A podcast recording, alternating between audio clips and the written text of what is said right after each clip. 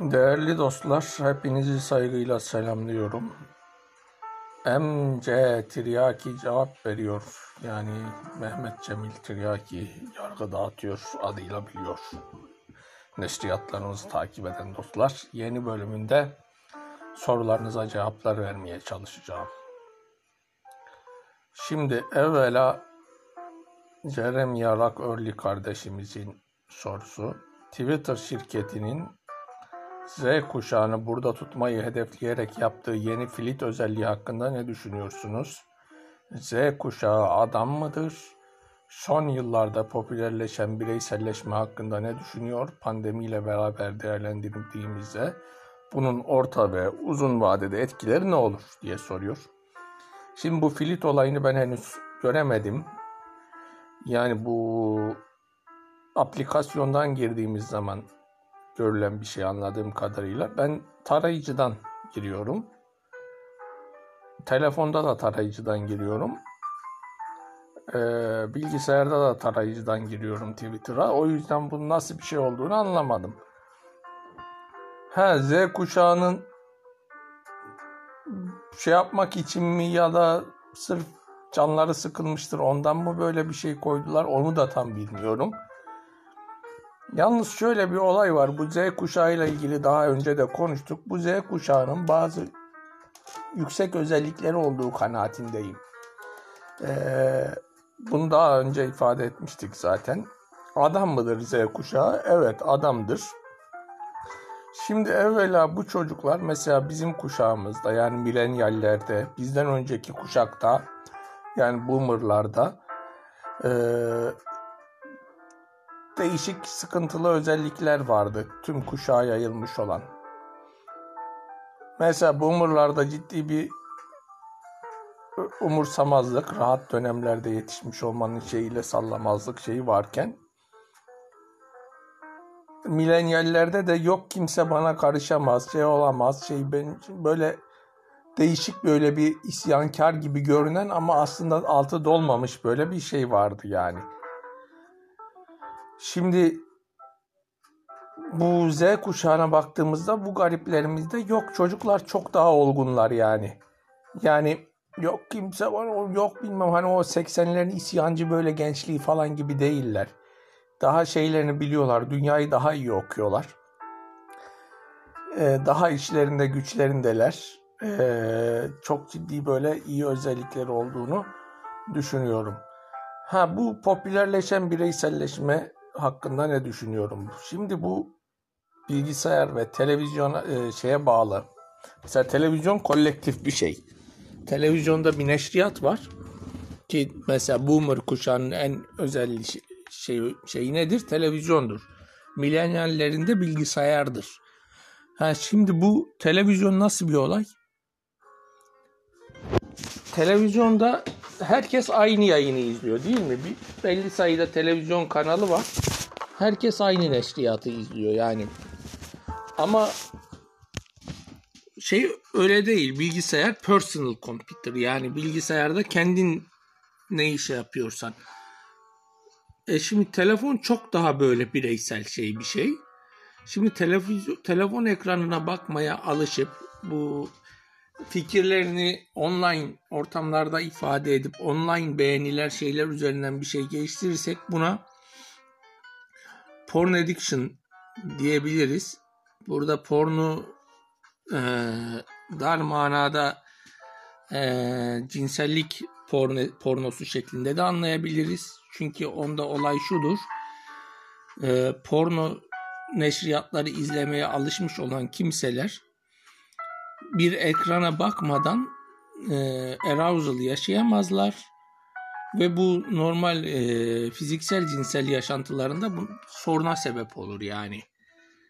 E, bir ekrana bakarak onlar şey yapmaya alışmışlardır. E onun gibi e, normal fikirleri de işte bir ekrana bakarak bir ekran üzerinden şey üzerinden ifade etmek ve işte orada gönderilen işte favlar, like'lar, o alevler şeyler üzerinden fikirlerinin e, şekillendirme şeyine girmiş olan insanlar normal birebir ya da topluluk içinde normal yüz yüze olan e, şeylerde gerekli vibe'ı alamayabilirler.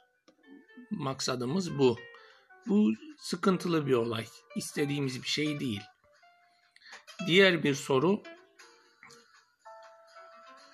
1 0 0 0 1 1 1 0 1 0 1 ikilik sistemde bu şey yapan bu kardeşimizin değerli çok değerli birisi bu.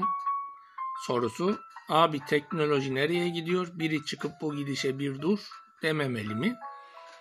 Şimdi şu teknolojinin yani teknoloji sadece teknoloji değil. Bu teknoloji sosyal değişimleri netice veren bir şey. Yani şimdi baktığınız zaman sosyal bilimler alanındaki çalışmalar çok daha genel, çok daha kapsayıcı gibi görüşür, görünür. Ama fen ilimleri alanında yapılan bir gelişme toplumu tamamen alır değiştirebilir. Mesela nasıl? İşte bu atom bombasının bulunması gibi mesela düşün. Ne yaptı? Dünyanın dengesini, toplumların yapısını, her şeyi değiştirdi. E ne yaptı mesela? Japonya'yı o şey döneminden çıkarttı. Ee, bir Amerikan toplumu uzantısı haline getirdi. Çok değişik etkileri olur. Bu teknolojinin şeyine dur denilebilir mi? Denilmez yani insandaki bu keşfetme şeyi. Bunu ancak bir nerede ya ne gerek var tamam ya şimdi bu şey yeterlidir şeklinde insanın içinden gelen bir e, his yayılırsa o buna dur diyebilir. Peki teknoloji nerede yani şurada durmalıydı dediğimiz bir nokta var mı? Ya mesela otomobil teknolojisinde ben elektronikleşmenin çok ilerlemesine karşı olduğumu hep anlatıyorum. Otomatik camlar mesela gerçekten çok iyi bir teknoloji. Aynanın elektronik ya da e, içeriden elle ayarlanabilir olması çok iyi teknoloji ama bunların ötesindeki teknolojiler sanki biraz fazlaya kaçıyor gibi. Tabii de şu teknolojide asalet teknolojiyi yavaşlatır. Asalet insanlarda her yeni çıkan şeyi hemen benimsememeyi netice verir. E biz asil insanlar olaraktan her çıkan şeyi hemen benimsemediğimiz için e, teknolojinin şeyi biraz daha yavaşlar. Osman Van Orton kardeşimizin sorusu vahdeti vücut mu vahdeti şuhud mu? Şimdi buna verdiğimiz cevapta vahdeti şuhudda ademi nazarın olduğu yani vahdeti şuhudda evet görünen bu şeylerin şahit olduğumuz şeylerin bir varlığı vardır. Fakat zatı uluhiyetin varlığına mukayese ettiğimiz zaman bunlar bir hiç hükmündedir. Bu hiç hükmünde olan şeylere nazar etmenin bir manası yoktur. O zaman biz bu çokları bırakalım, bir olana yönelelim. Cenab-ı Rabbül Alemini zikr ve tesbih edelim düşüncesi var. Vahdeti şuhut bu açıdan baktığımızda fazla vartaları olmayan bir düşünce biçimi olarak karşımıza çıkıyor.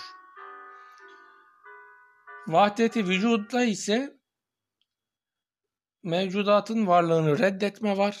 Hiçbir şey yoktur. Varsa ancak zat-ı uluhiyet vardır. Ulu Tanrı'nın varlığı karşısında hiçbir şey var sayılamaz düşüncesi var. Aslında orada da şöyle bir şey var. Tamam varsa bile Ulu Tanrı'nın e, o sonsuzluğu karşısında bu fani olan dünyanın, bu fani olan mevcudatın yani masivanın varlığı ne ifade eder ki diyor yani. Bunu limit şeyle ifade etmiştik. Ee, sonsuz ikisi sonsuza gider kabul ettiğimiz zaman bu sonlu olan mevcudat yani masiva bölü zat-ı uluhiyet yani sonsuzluk ne olacak? İlla ki sıfır olacak limit açısından baktığımızda. O zaman vahdeti vücut oluyor. Yani bu şeyler yokmuş gibi oluyor. Bu tabi şeylerde olan bir düşünce. Mutasavvıflarda panteistler şeylerde olan bir düşünce. Bu belli sıkıntıları olan bir düşünce ama böyle bir düşünce var. Şimdi bu İbn Arabi Hazretlerinin ya da Filip Enzer, e, Filip Elizade Ahmet İlmi'nin eserlerine baktığımızda mesela bu Amakayele falan baktığımızda Bildiğin orta dünyadan yayın yapıyor gibi bu şeyler. Değişik değişik canlılar, değişik değişik ortamlar, atlamalar, şeyler. Böyle Yüzüklerin Efendisi gibi bir ortam. Böyle de bir şey var. Bir diğer soru İspanyol boğası kardeşimizden. Deccal'in tahrip gücü Süfyan'a göre hidrojen bombasının atom bombasına olan nispeti ölçüsünde midir? Aynen öyledir. Yani hidrojen bombası atom bombasının e, kategorik olarak üstündedir. Yani çünkü birinde füzyon birinde füzyon var. Hidrojen bombasında füzyon. Füzyon reaksiyonunda ortaya çıkan enerji füzyon reaksiyonunda ortaya çıkan enerjiye göre çok çok yani kat, e, derece derece yüksektir. Şimdi bu Deccal umum dünyada etki gösteren bir şey olduğu için Deccal'in tahrip gücü Süfyan'a göre böyle fazla. Yani mesela Deccal örnek verelim. Cengiz Han ya da Hülagu. Süfyan'a örnek verelim. Yezid. Yezid ne yapıyor? Belli sayıda Müslümanı katlediyor, şey yapıyor, zulmediyor. Cengiz ya da Hülagu ne yapıyor? Dünyada baş üstünde baş bırakmıyor. Ya da işte Süfyan'ı örnek verelim. İşte Müslüman dünyanın diktatörleri. E, Deccal'e örnek verelim. Hitler ya da e, Mussolini, e, Hitler ya da Stalin, Mao. Şimdi bu adamların yaptığı insanlık alemindeki tahribat aynen atom bombasına hidrojen bombasının nispeti gibi. Ha peki Süfyan'ın şerrinin Deccal'den açtığı yönünde hava Hazreti Ali'ye nispet edilen şeyler ne?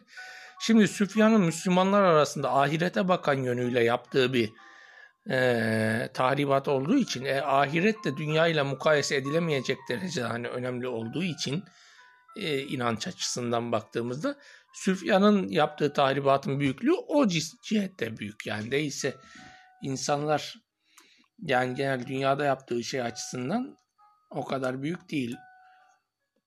Yusuf Toneo kardeşimizin sorusu MCT Fransızca bilmekte midir? Biliyorsa seviyesi nedir? Başka yabancı dil bilgisi var mıdır? Nerede nasıl öğrenmiştir?